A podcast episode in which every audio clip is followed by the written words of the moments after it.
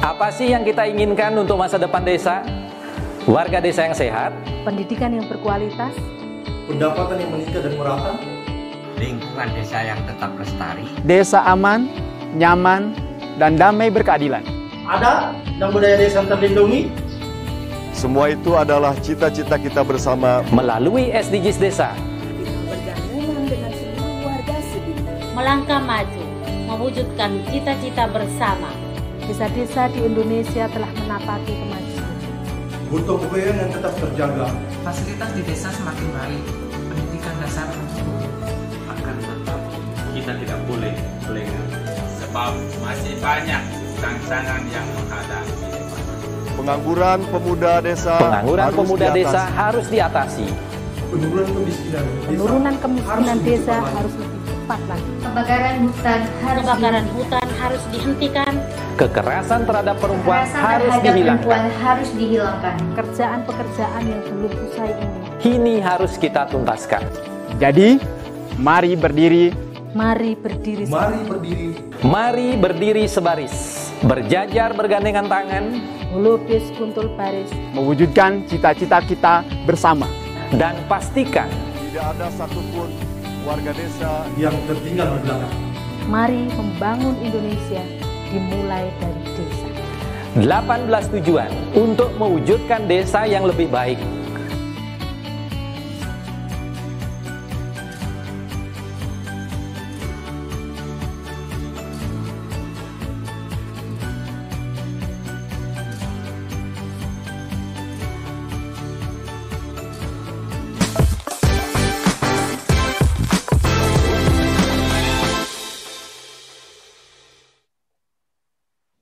pagi kerabat desa yang berbahagia di seluruh Indonesia. Kembali lagi pagi ini kita sarapan SDGs bersama Kemen Desa dan hari ini kita akan membahas tentang bagaimana desa kemudian membangun pendidikan yang berkualitas. Ini merupakan salah satu goals dari SDG no, SDGs nomor 4 dan hari ini telah tanpa kita sadari sudah mencapai episode ke-12 kita bicara tentang SDGs.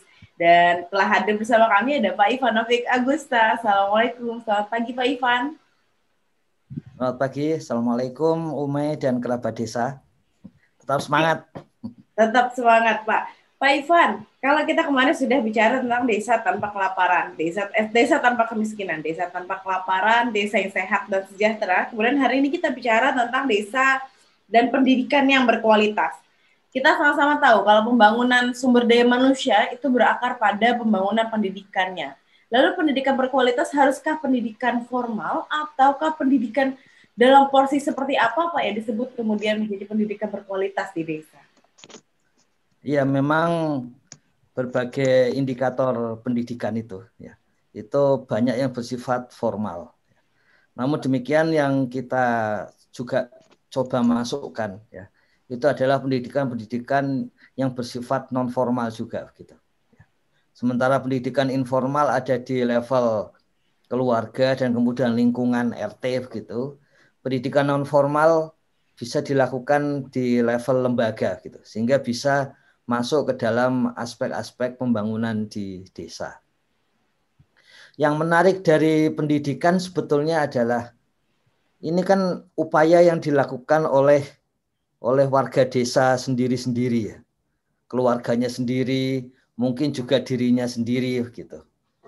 Tapi kalau kita tambahkan ya, kita agregatkan sampai ke level desa, maka itu akan sangat membantu desa.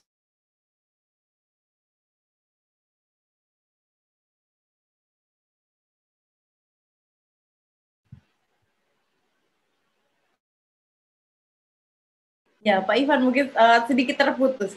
Uh, kerabat desa yang berbahagia, kita untuk mencapai tujuan pendap peningkatan pendapatan dari penduduk miskin di desa, salah satu target utamanya adalah peningkatan kualitas sumber daya manusia dan pendidikan. Seperti yang kita tahu merupakan bentuk investasi yang menentukan masa depan bangsa. Dan salah satu juga sebagai syarat dari peningkatan kualitas sumber daya manusia. Kalau tadi Pak Ivan sempat bilang bahwa pendidikan itu berdasar pada diri sendiri,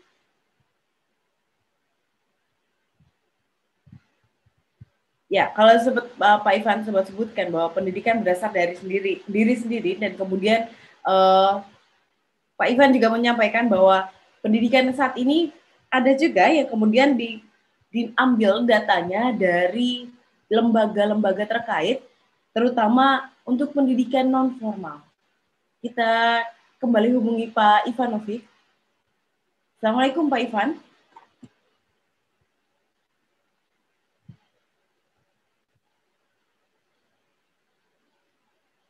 Ya Pak Ivan, halo. Oke, Pak Ivan belum masuk.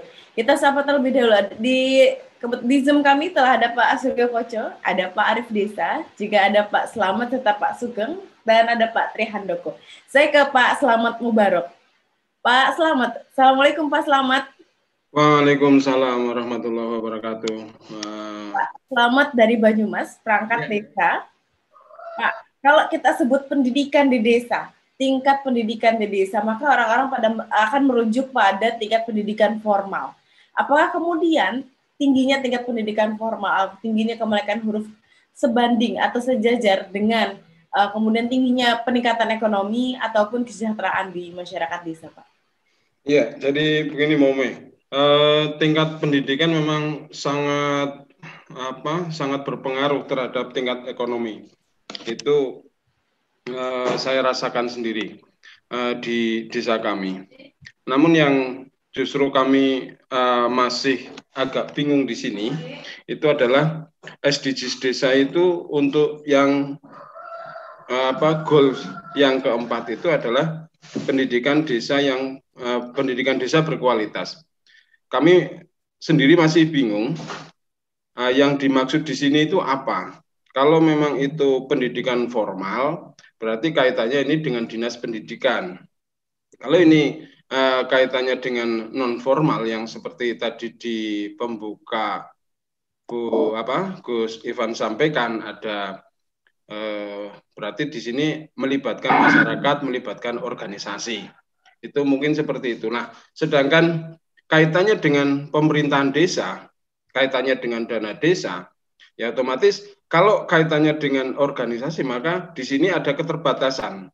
Keterbatasan pemerintah desa, keterbatasan dana desa untuk uh, memberikan sumbangsih terhadap uh, pendidikan yang non formal atau pendidikan yang dilakukan oleh organisasi. Mungkin sementara seperti itu, Mbak Umi. Baik, uh, kita coba ke Pak Sugeng. Pak Sugeng Priyan Priyatno. Pak Sugeng, Assalamualaikum. Ya, sepertinya belum tersambung. Pak Oh, sudah tersambung. Assalamualaikum, selamat pagi. Selamat pagi, Mbak Umay. Pak Sugeng dari desa mana, Pak? Uh, perkenalkan, saya dari desa Kaliori, kecamatannya Kalibagor, masih Banyumas, sama dengan Pak uh, Selamat Mubarok. Kalau beliau Selamat Pak Selamat Mubarok itu adalah uh, atasan saya, saya sebagai sekjennya beliau. Baik. Gimana, Mbak Umay? Oh ya, Pak Selamat, tadi kita sempat bicara tentang pendidikan di desa dan bagaimana pendidikan itu kemudian di, diukur dengan pendidikan formal. Kemudian saya bertanya kepada Pak Selamat Mubarok, apakah kemudian pendidikan formal ini, uh, ukuran ini kemudian menjadi mencerminkan uh, pendidikan yang sudah layak atau belum di desa, uh, sorry, kesejahteraan di desa. Nah, menurut Pak Sugeng sendiri bagaimana Pak? Apakah pendidikan, bila kita mengukur pendidikan yang berkualitas di desa, harusnya menurut Pak Sugeng dari desa seperti apa baiknya?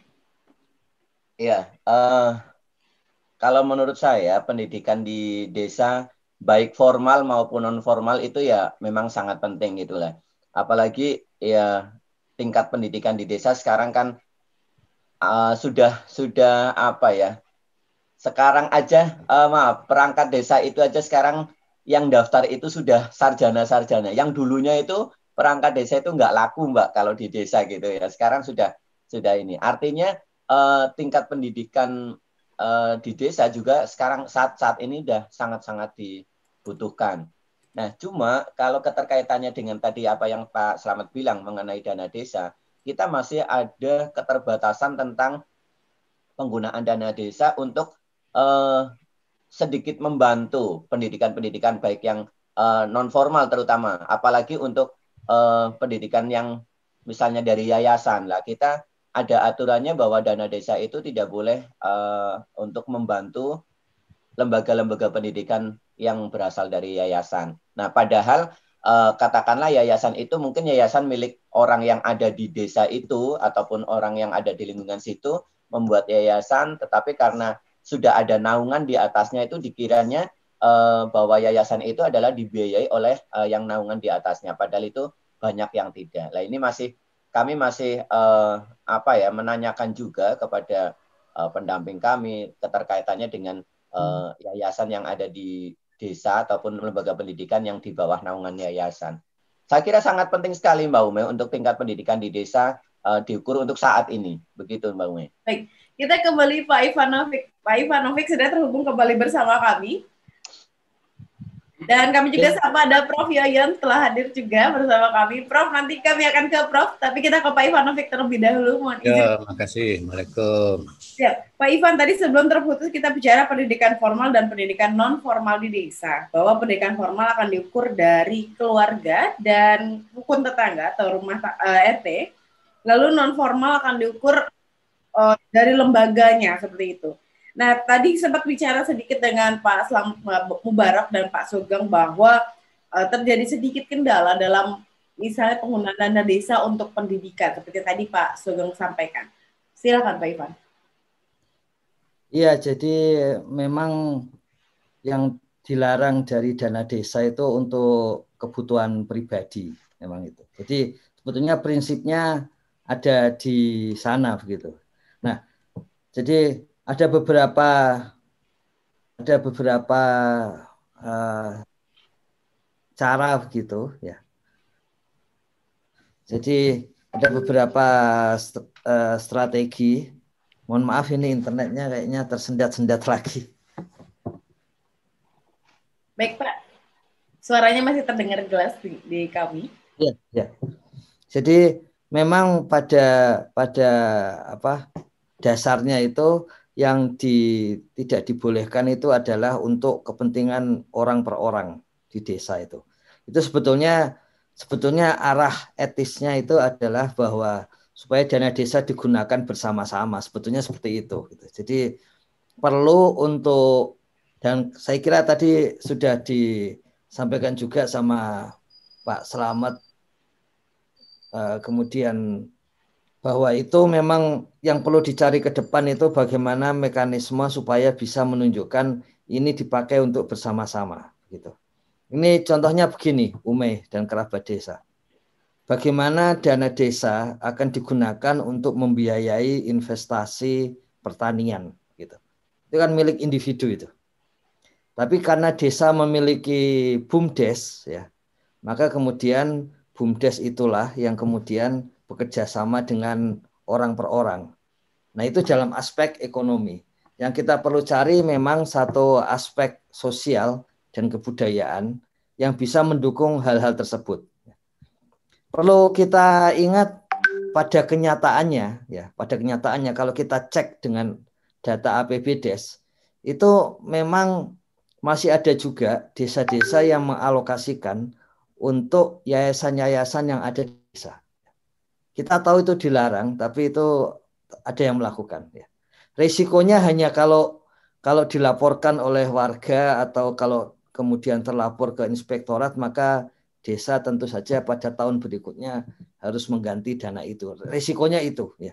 Kalau nggak ketahuan tentu saja nggak apa-apa itu. Tapi dengan kondisi di mana sekarang APBDes sudah dipublikasikan di sistem informasi desa, tentunya itu menjadi sangat berisiko gitu. Nah, yang perlu dicari bersama-sama adalah mekanisme supaya tetap mendukung itu. Sebetulnya di dalam undang-undang desa itu ada komponen yang keempat, pembinaan kemasyarakatan yang yang sering kali diejawantahkan sebagai pembinaan lembaga kemasyarakatan desa atau LKD.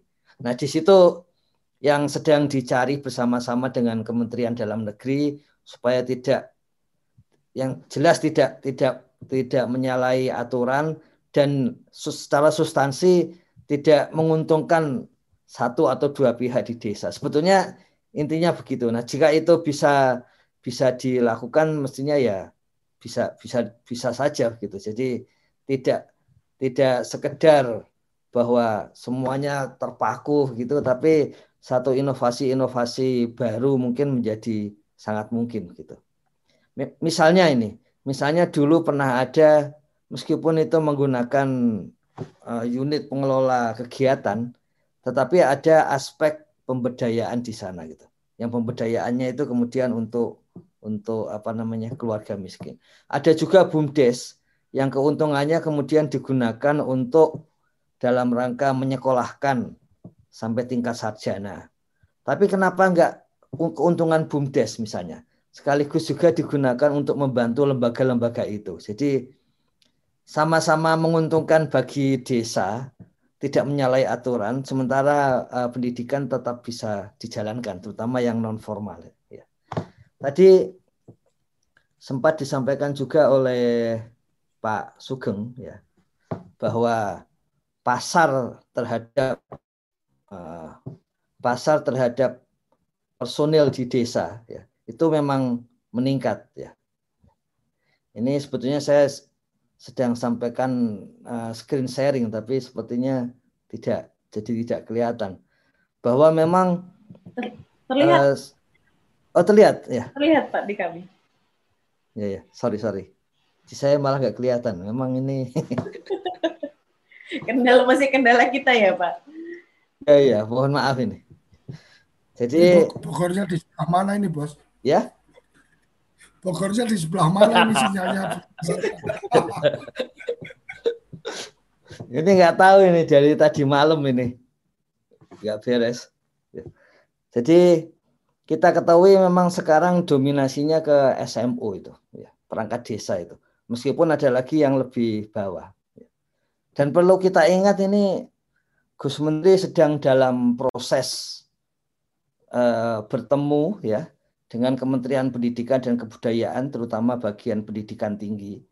Supaya perangkat desa baik itu kades, perangkat desa, sekdes, uh, pengurus bumdes yang masih pada level pendidikan akhirnya itu SMA itu diberikan kesempatan menggunakan pengalaman non formalnya itu ya menggunakan pengalaman non formalnya untuk di di apa namanya itu ditransfer menjadi 70 SKS. Jadi separuh dari sarjana. Ya. Separuh kalau, kalau sarjana kan sekitar 140 SKS sekian gitu. Nah ini 70-nya atau separuhnya itu diambil dari portofolio pengalaman dan tentu saja kalau ada inovasi ya. Dan itu akan dikelola oleh Kementerian Desa dalam bentuk akademi desa. Jadi setelah lolos dari akademi desa, maka kemudian masuk ke dalam perguruan tinggi formal dan tinggal mengikuti pelajaran secara online selama dua tahun ya selama dua. jadi dari empat tahun kemudian turun menjadi dua tahun dua tahun yang pertama dari portofolio dan pembuktian-pembuktian ke akademi desa dan setelah itu masuk ke universitasnya. Dalam universitas itu pembelajaran untuk meningkatkan aspek pengetahuan sebetulnya itu kemudian mengajak untuk berpikir rasional sebetulnya arahnya lebih ke sana ya. Sehingga pengalaman-pengalaman itu menjadi sangat berguna. Nah, dari empat semester itu, itu tiga semester yang sifatnya perkuliahan online Kemudian satu semester terakhir itu kan menyusun skripsi. Nah, skripsi itu tentu saja dari pengalaman perangkat, kades, bumdes sehari-hari. Jadi itu yang sedang di sedang dimasukkan di dalam konsep kampus merdeka, tapi dalam hal ini adalah merdeka dari desa ke kampus. Bukan merdeka dari kampus ke desa, tapi ini merdeka dari desa ke kampus. Nah, kita lihat memang ada 45 ribu eh, kades yang masih SMU ini makin makin banyak di tahun ini karena ini dua tahun yang lalu. Kemudian kalau sekdesnya itu 43 ribu. Ya. Jadi paling tidak ada 90 hampir 90 ribu ya yang memang bisa dikaitkan dengan itu. Jadi kenapa itu penting? Selama ini salah satu kendala dari pendidikan di desa, dari indikator pendidikan di desa itu adalah lama sekolah. Ya, lama sekolah. Padahal lama sekolah itu yang paling menentukan untuk indeks pembangunan manusia atau IPM. Mengapa lama sekolah itu penting? Karena itu mengindikasikan semakin kita bisa berpikir rasional. Sebetulnya itu. Sebetulnya alasannya semakin kita lebih mudah mencari pengalaman dari tempat lain karena karena sudah terbiasa untuk membaca untuk untuk apa namanya mencari berbagai bahan-bahan gitu sehingga pemikiran kita menjadi lebih kosmopolit, lebih bisa menerima perbedaan. Apalagi di dalam konteks ketika semakan eh, desa semakin terbuka, maka kita harus semakin bisa mengetahui orang lain itu maksudnya seperti apa gitu. Bahkan orang yang sangat asing. Kalau dulu kan orang lain yang masuk desa itu nggak terlalu asing gitu. Tapi untuk ke depan kan akan akan semakin seperti itu, semakin terbuka desa. Gitu. Nah di situlah kemudian angka dari lama sekolah itu menjadi penting.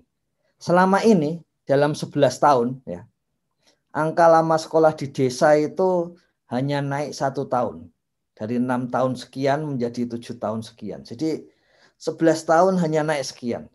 Nah apa namanya padahal sebetulnya desa bisa melakukan banyak hal sebetulnya itu. Tapi memang seperti biasa ada kaitan antara pendidikan dengan ekonomi pendidikan dengan kesehatan dan sebagainya. Dan kita tahu dari hubungan antar antar tujuan di dalam SDGs desa itu memang pendidikan tidak terlalu memiliki kaitan dengan tujuan-tujuan SDGs desa yang lain. Artinya apa Artinya bahwa ketika desa ingin meningkatkan pendidikan warganya, itu tantangannya jauh lebih berat. Karena belum tentu manfaat dari pendidikan itu langsung dirasakan pada aspek yang lain. Misalnya antara pendidikan dengan ekonomi sudah dididik tinggi-tinggi tapi ekonomi keluarganya masih seperti ini. Antara pendidikan dengan kesehatan sudah dididik tinggi-tinggi tapi ternyata malah sakit-sakitan dan sebagainya. Nah, seperti itu. Jadi memang pendidikan ini dan beberapa tujuan dari SDGs desa yang lain itu hampir berdiri sendiri gitu. Ya, jadi kalau kita cari korelasinya hubungan dengan tujuan-tujuan SDGs yang lain, hampir pendidikan itu termasuk yang berdiri sendiri sehingga memang butuh banyak banyak upaya untuk mengajak berbagai pihak masuk ke dalam pendidikan ini. Tapi itu artinya di pihak lain berarti masih banyak sekali peluang untuk melakukan inovasi-inovasi di bidang pendidikan di desa. Kiranya itu Ume dan kerabat desa. Kalau saya cek dari laptop saya ini mohon maaf gambar saya juga berhenti. Baik, Pak Ivan. Tapi suaranya cukup terdengar uh, di kami dan cukup uh, kami cukup mendapat banyak informasi dari Pak Ivan bahwa eh, saya cukup terkejut bahwa ternyata pendidikan uh, tersadar juga bahwa pendidikan menjadi salah satu indikator yang tidak tidak hampir saja tidak ada korelasinya dengan poin SDGs yang lain. Seperti yang tadi Pak Ivan sampaikan, belum tentu yang berpendidikan tinggi ekonominya juga tinggi, belum tentu yang berpendidikan tinggi uh, kesehatannya tinggi gitu ya. Namun apakah kemudian lalu pendidikan berkualitas ini diukur untuk apa, Pak? Ya, itu pertanyaan yang paling menarik ya.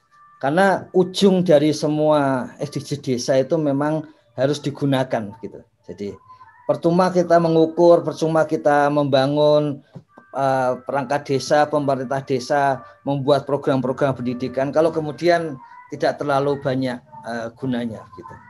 Maka ada kemungkinan ini Ume ya. Kenapa tidak banyak gunanya? Ya. Itu memang karena pendidikannya masih kurang tinggi lagi gitu.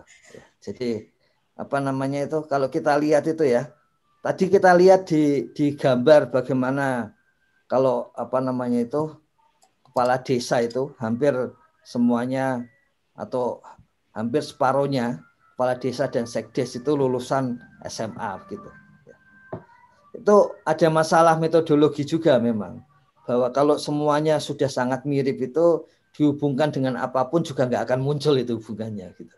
Jadi kalau kalau ada perbedaan itu barulah muncul itu ya. Jadi memang ada masalah metodologi juga seperti itu yang perlu dipertimbangkan gitu.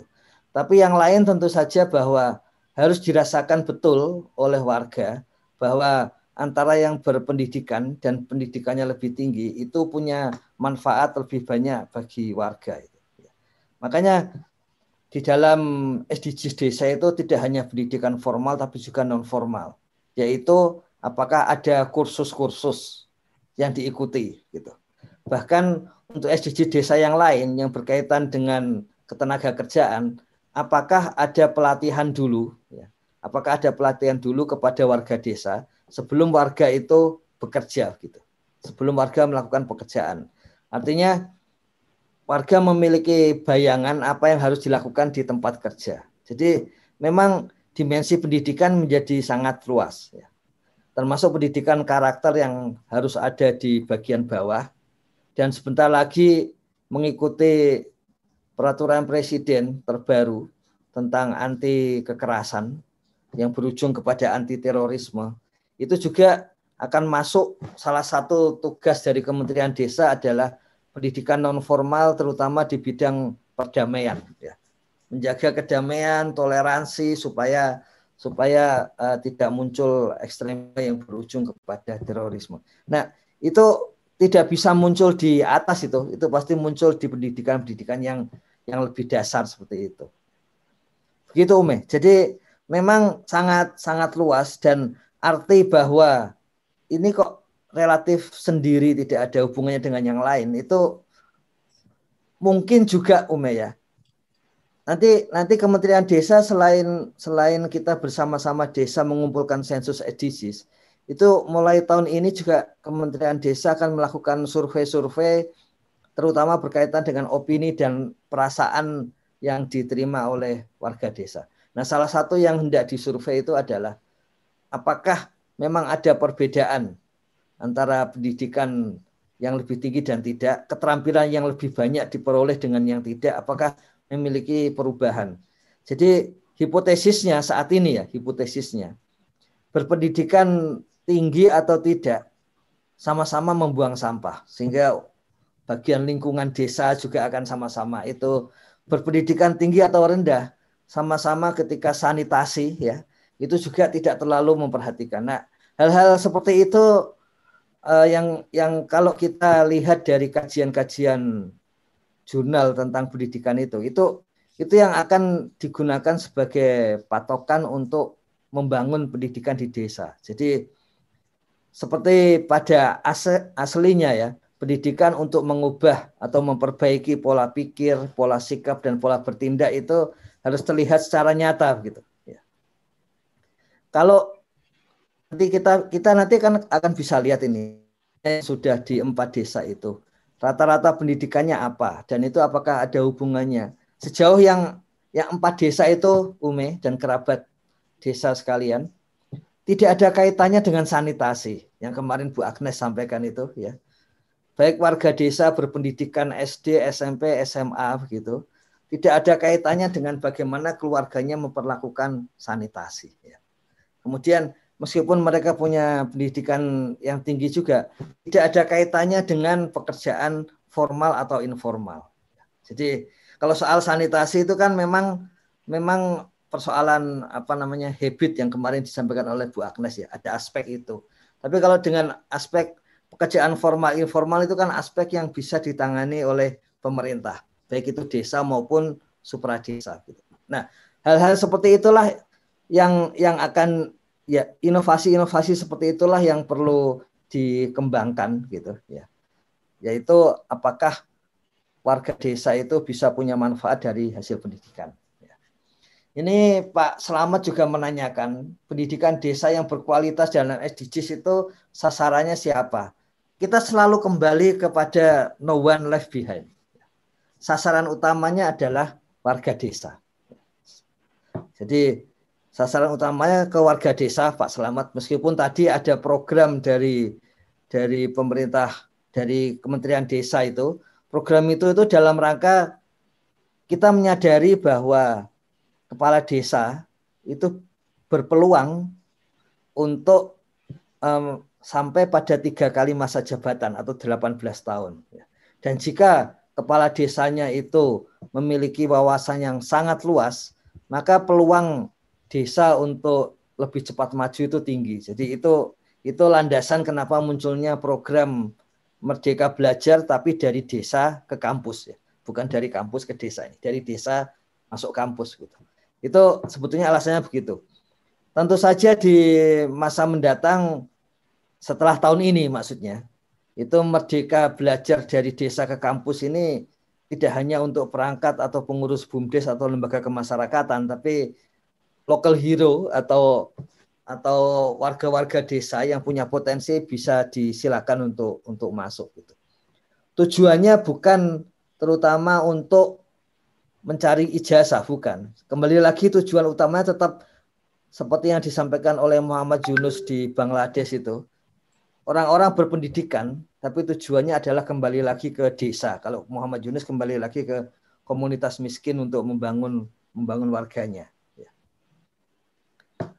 Ada pertanyaan apakah pendidikan vokasi ke warga bisa menggunakan dana desa? Ya.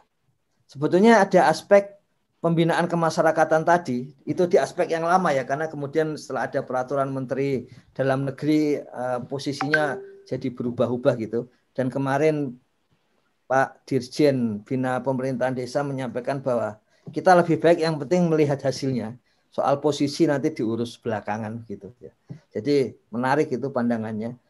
Nah, sebetulnya bisa memberikan meskipun beasiswa itu bisa dan itu realnya sudah dilakukan dengan dana desa.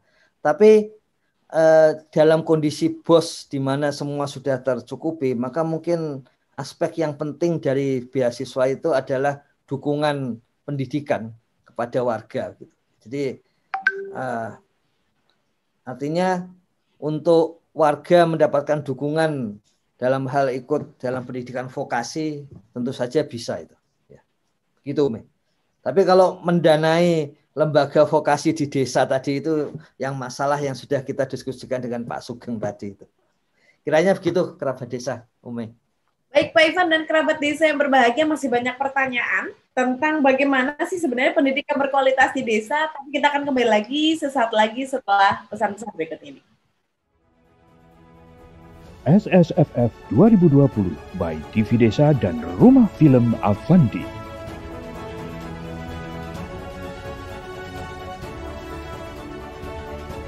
SSFF Smartphone Short Film Festival hanya remaja 19 tahun dan hanya pakai smartphone. Diikuti oleh 344 peserta dari 22 provinsi.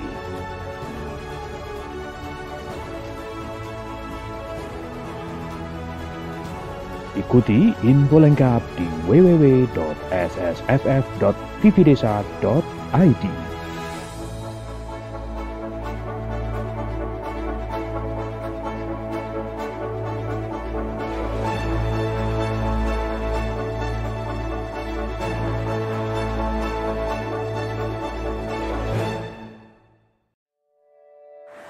sih yang kita inginkan untuk masa depan desa? Warga desa yang sehat, pendidikan yang berkualitas, pendapatan yang meningkat dan merata, lingkungan desa yang tetap lestari, desa aman, nyaman, dan damai berkeadilan. Ada dan budaya desa terlindungi. Semua itu adalah cita-cita kita bersama melalui SDGs Desa. Satu, desa tanpa kemiskinan. Dua, desa tanpa kelaparan. Tiga, Desa sehat sejahtera. 4. Pendidikan desa berkualitas. 5. Keterlibatan perempuan desa. Desa layak air bersih dan sanitasi. 7.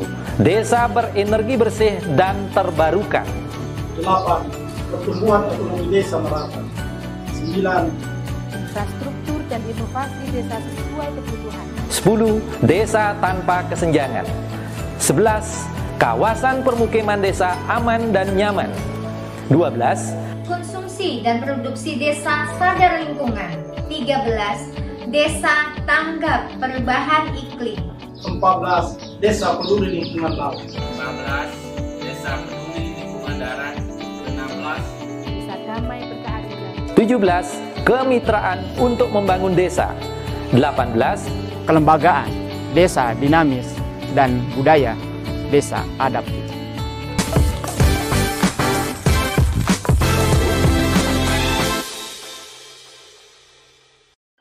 Desa Vision Desa Vision memberikan pilihan tayangan edukasi dan inspirasi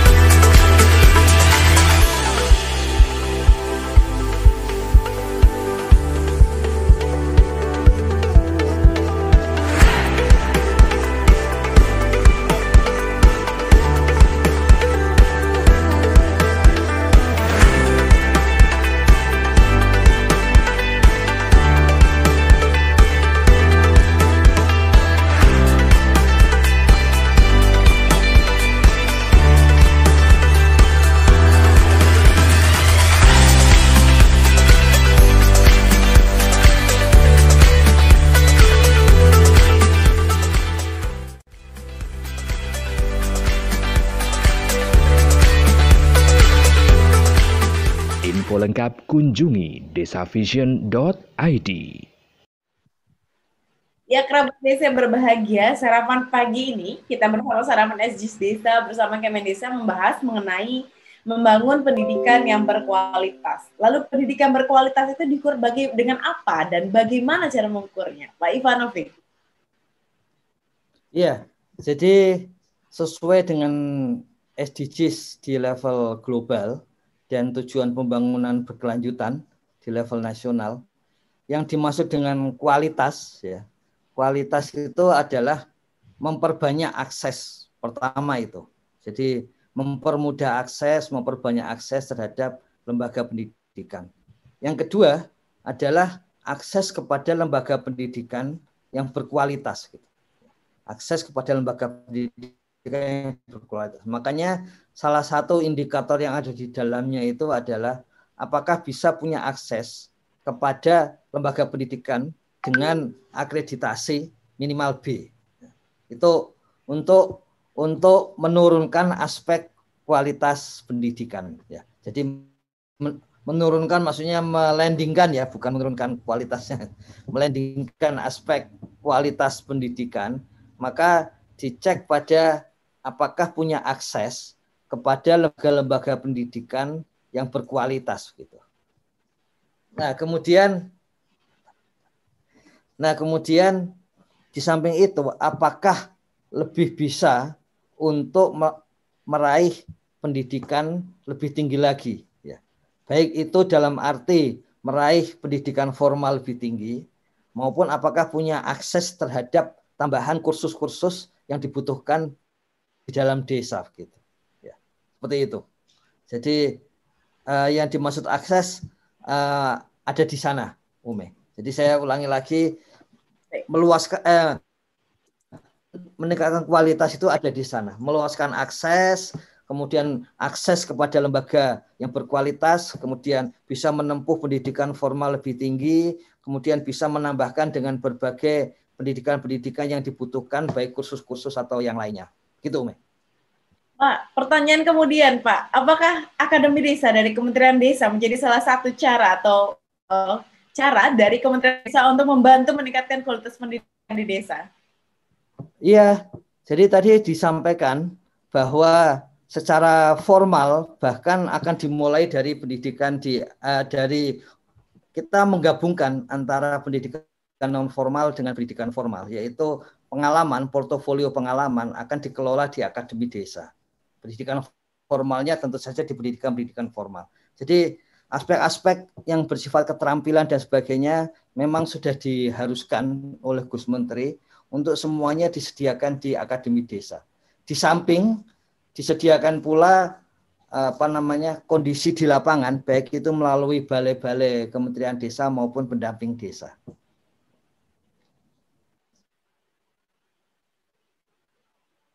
Baik. Pak Ivan, uh, kita bicara uh, saat ini di Zoom kita sudah kehadiran beberapa tenaga akademisi ada Bu Agnes dari ITS dan juga ada Prof Yoyon dari UNI. Saya ke Bu Agnes terlebih dahulu. Bu Agnes, kita bicara tentang pendidikan berkualitas.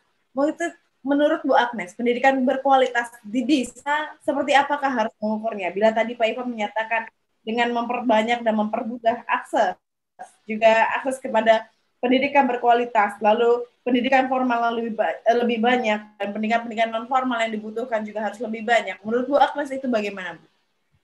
Terima kasih Mbak Umay. Assalamualaikum warahmatullahi wabarakatuh. Mungkin singkat ya Bu. Nah, tapi ini sebetulnya saya nggak ingin singkat. Waktu itu soalnya terbatas, terbatas. Mohon maaf. Pendidikan formal dan non formal yang for, yang formal yang sudah di bawah Kemdikbud terutama ya. Sebetulnya ukuran kualitas itu sudah ada karena di Kemdikbud itu ada namanya uh, penjaminan mutu pendidikan. Lalu punya aplikasi penjaminan mutu pendidikan yang uh, di situ sudah diukur SD yang uh, sesuai SD. Jadi setiap setiap sekolah mulai jenjang SD sampai dengan SMA, SMK termasuk di dalamnya, itu sudah diukur berdasarkan delapan standar. Delapan standar itu adalah standar termasuk eh, apa SKL itu namanya standar kompetensi lulusan yaitu sebagai output, kemudian standar isi, standar proses, standar penilaian, standar gurunya, standar apa itu sarana prasarananya, pembiayaannya dan sebagainya. Itu diukur sehingga sebetulnya pemerintah itu sudah punya ukurannya bagaimana pendidikan berkualitas itu berdasarkan 8 standar yang dikeluarkan oleh BSNP. Nah ini eh, kebetulan saya sendiri masuk di dalam Satgas Penjaminan Mutu, makanya ikut menggagas itu. Nah, dan sudah ada Permen Permendikbudnya tahun 2016, dikeluar Permendikbud 2028 tahun 2016. Jadi kalau misalnya di di desa itu pengen punya SD SMP yang berkualitas ada caranya yaitu menjalankan penjaminan mutu pendidikan tadi. Nanti suatu saat mungkin saya akan pengen cerita itu. Ini yang formal dan yang eh, swasta pun juga bisa menggunakan cara yang sama. Nah, inginnya adalah bahwa eh, yang dihasilkan oleh eh, sekolah itu adalah yang mutu tadi itu adalah sekolah yang bisa menghasilkan lulusan yang bukan hanya punya pengetahuan tetapi punya sikap dan punya keterampilan. Jadi ada sikap dan keterampilan. Nah, ini yang eh, harusnya kalau di desa mereka itu bisa terampil untuk ikut membangun desa. Nah, berarti ada muatan lokal yang harus dimasukkan di dalam kurikulum namanya KTSP itu eh, yang diinkludkan di dalam eh, apa pendidikan itu sehingga nanti kalau lulus dia paham tentang desanya seperti di Jepang itu begitu paham tentang de yang pertama adalah paham tentang Jepang misalnya gitu. Lah kita harusnya ya semua jenjang harus paham tentang desanya sehingga pada saat dia itu e, nanti lulus dia bisa berkontribusi sesuai dengan jenjang pendidikannya. Nah, di Indonesia itu yang saya tahu dari data ya bahwa e, lulusan SMA itu hanya 30% yang masuk perguruan tinggi. Jadi harusnya sisanya itu harus bisa terampil untuk bekerja dan itulah kurikulumnya tidak terlalu pas untuk itu. Sehingga terutama untuk SMA ya dia nggak siap kerja. Nah itu. Nah kemudian yang eh, tadi dikatakan eh, Pak Ivan pendidikan itu rata-rata lama sekolahnya tujuh tahun. Nah tujuh tahun itu itu kan diukur dari orang usia 15 tahun ke atas berapa pendidikan tertingginya. Nah, di desa itu sebagian besar pendidikan tertingginya itu eh, apa itu um, ya SD SMP SMA-nya sedikit dan itu adalah orang tua-tua orang-orang yang sudah berusia nah kalau seperti itu pendidikan SD-nya dibagusin, SMP-nya dibagusin, nggak akan naik. Ya, karena apa yang harus digarap ya orang tua yang harus disekolahkan tadi. Dan seharusnya pemerintah itu sudah punya eh, apa itu namanya pendidikan yang kesetaraan untuk bisa mencapai meningkatkan APK tadi. Nah, berikutnya adalah tentang pendidikan yang tadi yang digagas oleh Kementerian Desa supaya sekolah itu yang lulusan SMA itu bisa dise, bisa mudah untuk mendapatkan ijazah yang di atasnya. Sebetulnya sudah ada namanya RPL, yaitu apa? Eh, apa itu namanya rencana pembelajaran lampau. Itu adalah men, menghitung. Jadi kalau dia itu punya apa itu pengalaman, maka dia sebenarnya dihitung. Dan itu yang diwajibkan menghitung adalah kampus-kampus berapa dia diakui sebagai pengalaman ini diakui sebagai uh, berapa SKS dan seterusnya.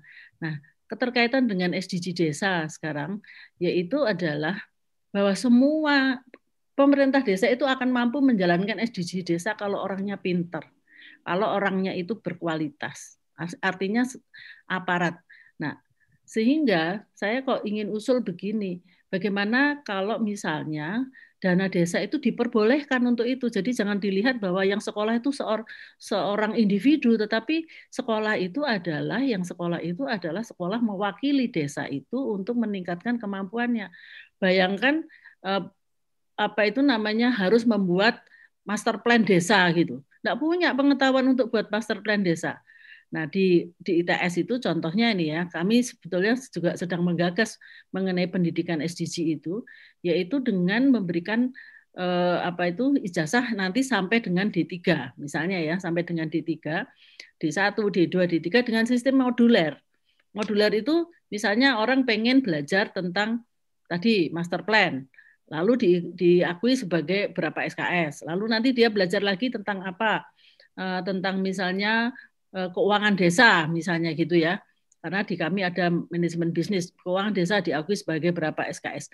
Pada akhirnya eh, aparat desa itu akan bisa mengikuti program tersebut. Nah, sehingga kalau itu di, di, diarahkan ke sana, maka tidak dianggap bahwa yang sekolah itu adalah untuk kepentingan individu, tetapi untuk kepentingan desa. Dan memang harus orang-orang yang punya keterlibatan di dalam kebijakan maupun pembangunan desa itulah yang diperbolehkan untuk dibiayai.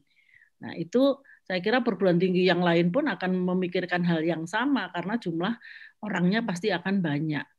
Nah, ini yang saya pikirkan Pak Koco ya, Pak Ivan bahwa sebetulnya tidak terlalu sulit ya untuk mengkaitkan antara pendidikan dengan ketercapaian SDG karena saya khawatir kalau kita stuck dengan formal-formal terus lalu nanti eh, SDG-nya nggak akan tercapai gara-gara orangnya nggak bisa gitu. Gara-gara orangnya nggak mampu melakukan eh, kewajibannya. Artinya kemarin saya sampaikan bahwa apa itu namanya pemerintah desa itu kan tidak seperti pemerintah kota yang punya kepala-kepala dinas yang pinter-pinter Nah sekarang di, di, dibebani SDG, berarti kan dia harus pinter gitu. Nah bagaimana caranya pinter? Ya disekolahkan dalam bentuk yang seperti tadi saya pikirkan. Jadi kami sebetulnya di ITS itu sudah pernah menggagas itu maunya kemarin itu bulan Januari, Januari kita launching ya, tapi ini belum. Itu adalah untuk membantu bagaimana caranya supaya orang-orang desa itu punya kemampuan menjalankan SDG desa tadi itu, yaitu dengan membuat model D1, D2, D3 dan akhirnya bisa D4 juga ya. D4 itu berarti nanti kan setara S1 ya, tetapi eh, vokasi gitu loh. Nah, kalau seperti itu diperbolehkan dengan dana desa, saya kira cepat bisa dieksekusi karena sebetulnya kalau itu dibebankan ke pemerintah lagi, saya kira kan itu jadi berat. Tetapi kalau sudah ada di di dananya di desa mungkin tidak menjadi tidak terlalu berat. Ya, saya kira itu usulan uh, kami Pak Ivan, Pak Koco, Mbak Mai. Baik Bu Agnes, terima kasih banyak atas pandangan Bu Agnes. Uh, Pak Ivan, ini ada pertanyaan sebelum saya beralih ke Prof. Yoyon. Kewenangan desa dalam penyelenggaraan pendidikan hanya sampai pada pendidikan prasekolah, PAUD, dan TK. Mohon diskusinya, Gus Ivan, bagaimana intervensi RKP desa dan APB desa jenjang pendidikan formal SD ke atas. Terima kasih Pak Ivan, mungkin sedikit. Silakan. Ya, memang tidak sepenuhnya wewenang desa. Jadi memang harus ada kerjasama dengan supra desa. Tidak hanya di aspek pendidikan, aspek kesehatan, aspek lingkungan, ya banyak hal seperti itu. Itu yang nanti akan dijalankan, Ume. Baik, uh, kita ke Prof. Yoyon. Prof. Yoyon Suryono. Kalau sudah bergelar Prof, berarti sudah mentok ini Prof, tingkat pendidikannya Prof. Nah, Prof Yoyon, kami ingin sekali mendengar dari Prof ya, di kritikal lima menit terakhir uh, di acara sarapan SDGs Desa mengenai pendidikan berkualitas menurut Prof Yoyon. Silakan. Ya, terima kasih Mbak Umay, Bapak Ibu sekalian. Pertama, saya melanjutkan catatan Bu Agnes tadi. Situasinya itu dilematisnya begini, dilemanya itu ya. Kita mengatakan pendidikan dengan konsep kita sendiri, tapi ternyata di dalam praktek persekolahan terutama, apakah di persekolahan itu terjadi proses pendidikan apa tidak? Ya, ini satu pertanyaan besar. Mengapa Eh, penelitian-penelitian menunjukkan sekolah itu uh, satu terlampau orientasi ke akademik, ya. Kedua terlampau uh, menekankan kognitif, kognisi, ya. Nah persoalan ini besar sekali. Nadim itu hanya tiga sekolah itu sekarang, literasi, numerasi, dan karakter. Ini terjemahnya tidak mudah juga. Satu. Yang kedua soal uh, uh, Pak Ipan tadi, tidak ada dampak hubungan pengaruh terhadap uh, ekonomi dan sebagainya dan sebagainya. Ini ada dua kasus ya. Kasus Bangladesh tadi itu, Bangladesh itu tidak mementingkan sekolah formal, tidak. Itu satu kasus kedua. Kasus di Amerika puluhan tahun yang lalu, ketika konsep uh, human capital theory dibentuk itu, itu analis makronya itu mengatakan bahwa ada korelasi tingkat pendidikan dengan pertumbuhan ekonomi. Itu pada waktu konsep uh, human capital di, dibentuk. Di Indonesia, informasi terakhir saya belum dalami, pembangunan SDN Pres tahun 70-an itu secara agregat itu ternyata apa namanya meningkatkan pendidikan yang sangat luar biasa. Itu ada hasil kajian, ada hasil penelitiannya ya tentang itu. Nah, jadi bedanya itu begini, bedanya itu kalau kita melihat orang SD, SMP, SMA itu melihat dalam uh, unitnya itu individu, individu. Tapi kalau kita menjawab pertanyaan Pak Ivan tadi, oh pendidikan itu tidak ada kaitan dengan ekonomi dan sebagainya. Itu analisisnya makro beda lagi. Ya. Nah kita dua-duanya problem di limpa di level mikro individunya tadi ya, ya S3 pun uh, sanitasinya jelek misalnya gitu ya itu padahal Pak Ipan itu sudah ke rumah saya loh, itu bisa melihat dari sanitasinya itu di rumah saya itu. nah di analisis makro juga begitu. Katanya pendidikan itu tidak berpengaruh. Ya, ya. Itu Bu Agnes itu di ITS itu teman-temannya itu eh, hakinya, patennya, macam-macam itu bernilai uangnya luar, luar biasa sekali itu. Ya Bu Agnes ya, ada patennya, ada hakinya dan sebagainya begitu. Cuman problemnya, ini problemnya ya, tadi sudah disampaikan oleh Pak Ipan, tingkat pendidikan masyarakat Indonesia itu tidak lebih dari antara 6,2 sampai dengan 6,5. Belum sampai 7 loh datanya itu belum. Nasional ya rata-rata ya. Rata-rata nasional. Terakhir sih di angka 6,4 ya. Tadi Bu Agnes menyebutkan juga yang pendidikan tinggi itu baru sebatas 35 persen tertinggi itu aksesnya. Tuh. Nah, dalam konteks ini pendidikan non formal sudah lama dikembangkan di Indonesia sudah lama. Ya, cuman tadi isinya itu seperti iya, apa? Soalan isinya dalam bahasa teknisnya itu tergantung kepada kurikulumnya. Yang disebut Bu Agnes tadi ada standar ini, dan ada delapan standar itu ya kuncinya di SKL itu. SKL-nya itu orientasinya itu akademis buk, akademis itu untuk SD, SMP, SMA itu akademis betul. Di desa tidak diperlukan yang akademis-akademis itu. Maka muncul konsep ya di SMK direvitalisasi pendidikan vokasinya ya kemudian di perguruan tinggi mengurangi yang pendidikan akademik tapi memperbanyak yang pendidikan vokasi tadi Bu Agnes menyebut D1, D2, D3, D4 itu kan jauh berbeda dengan jalur akademik. Nah, jadi orientasi di perguruan tinggi saja sekarang yang saya tahu kurangilah itu yang eh, akademik S1, S2, S3 akademik tapi perbanyaklah D1, D2, D3, D4, S2 terapan, S3 terapan. Ya, tadi disampaikan siapa saya tidak tahu ya. Di desa itu yang betul yang penting itu pendidikan vokasi gitu. Jadi Gus Ivan kalau ingin melihat uh, hubungan ekonomi dengan pendidikan di desa, jangan pendidikan formal dan jangan pendidikan akademik, harus pendidikan vokasi. Gitu. Tuh. Jadi memang harus pendidikan vokasi yang yang betul, bukan pendidikan vokasi yang dilakukan di SMK beberapa tahun yang lalu, namanya pendidikan eh, apa namanya vokasi, tapi eh, lulusannya tidak terserap sangat banyak di dunia kerja. Ya. Jadi eh, tadi Pak Iqbal menyebut ada masalah ada masalah akses. Saya menambahi ada masalah relevansi. Ya.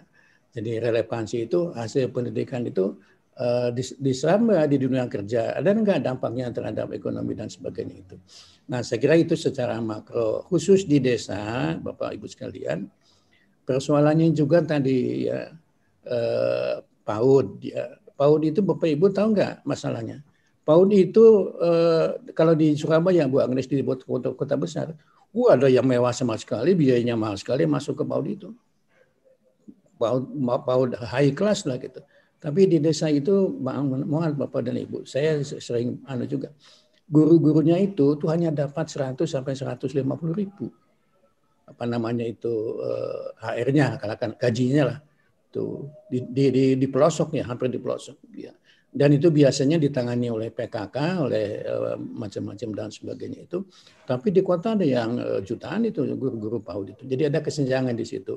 Nah persoalan di desa itu Pak Ivan di pendidikan-pendidikan PAUD itu betul tadi uh, kalau PAUD itu ada kaitan dengan yayasan, ada kaitan dengan macam-macam itulah.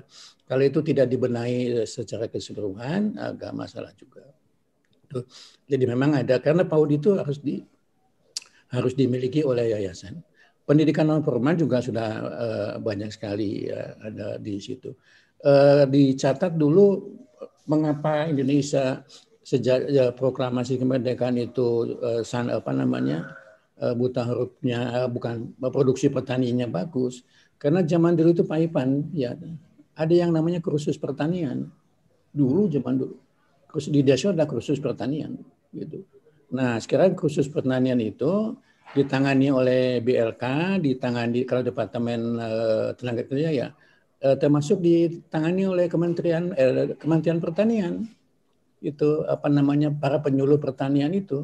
Nah, Pak Ipan harus menjawab bersama Bu Umay lulusan IPB itu penyuluh-penyuluhnya itu punya kemampuan punya kemampuan tidak untuk mendidik pertanian di desa itu gitu. Nah, saya akhir-akhir ini saya uh, melihat, bukan melihat ya, mengamati di desa itu. Uh, di satu di Magelang, dua Kediri, tiga di tempat mana ya. Itu pembibitan apokat itu menjanjikan sekali loh. Satu bibit apokat jenis jenis uh, terbaru itu ya, itu satu bibit yang siap apa yang siap siap siap berbuah itu harganya sampai jutaan loh, 2,4 juta. Kediri, kemudian Magelang, Muntilan, gitu, tempat-tempat lain itu kan eh, apa namanya Pak Ipan ya? Eh, bisnis-bisnis hortikultura itu sebetulnya di desa itu kan anu sekali eh, menjanjikan sekali. Apalagi semacam canda bolong kemudian aglonema oh, sekarang di desa itu waduh. Ya sudah mahal banget ya Pak sekarang. Itu jadi catatan saya itu Pak Ipan ya. Betul saya kira kementerian itu harus mengintervensi lebih luas tentang pendidikan di desa satu catatan kecil tentang RPL, Recognition of Prior Learning. Ya, tempat saya sudah uh, hampir 15 tahun yang lalu mencoba itu, ya, menyaingi universitas terbuka, ya. Jadi mereka yang sudah punya pengalaman di lapangan dengan portofolio diakui, cuman lagi-lagi begitu pada waktu kita penyetaraan dengan di Kementerian Pendidikan dan Kebudayaan, standarnya itu standar sekolah yang tadi oleh Bu Agnes disebut delapan standar itu.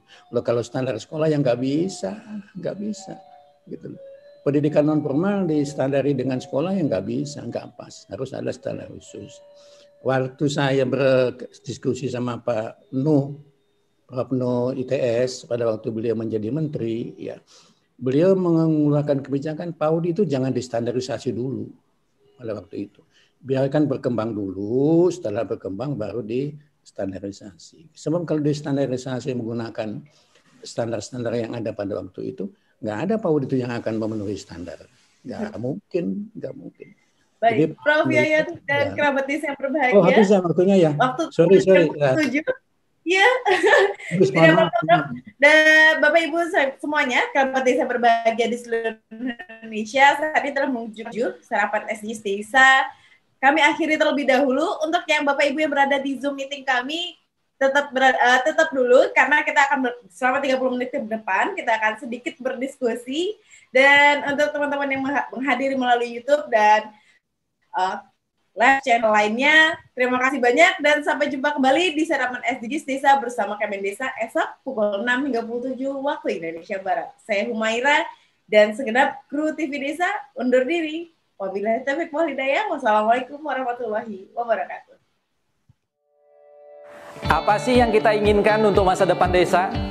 Warga desa yang sehat, pendidikan yang berkualitas, pendapatan yang meningkat dan merata, lingkungan desa yang tetap lestari, Desa aman, nyaman, dan damai berkeadilan. ada dan budaya desa yang terlindungi, Semua itu adalah cita-cita kita bersama melalui SDGs desa.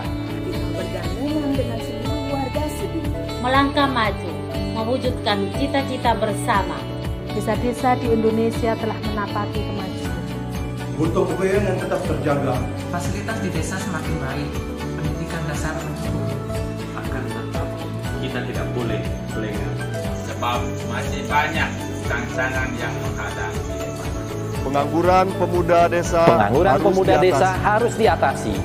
penurunan kemiskinan desa Penurunan kemiskinan harus desa harus lebih cepat lagi. Kebakaran hutan harus Kebakaran hutan harus dihentikan. Kekerasan terhadap perempuan Kekerasan harus terhadap dihilangkan. perempuan harus dihilangkan. Pekerjaan-pekerjaan yang belum usai ini. Kini harus kita tuntaskan. Jadi, mari berdiri Mari berdiri mari berdiri Mari berdiri sebaris, berjajar bergandengan tangan, melukis kuntul baris, mewujudkan cita-cita kita bersama. dan pastikan Tidak ada satupun warga desa yang tertinggal di belakang. mari membangun Indonesia dimulai dari desa. 18 tujuan untuk mewujudkan desa yang lebih baik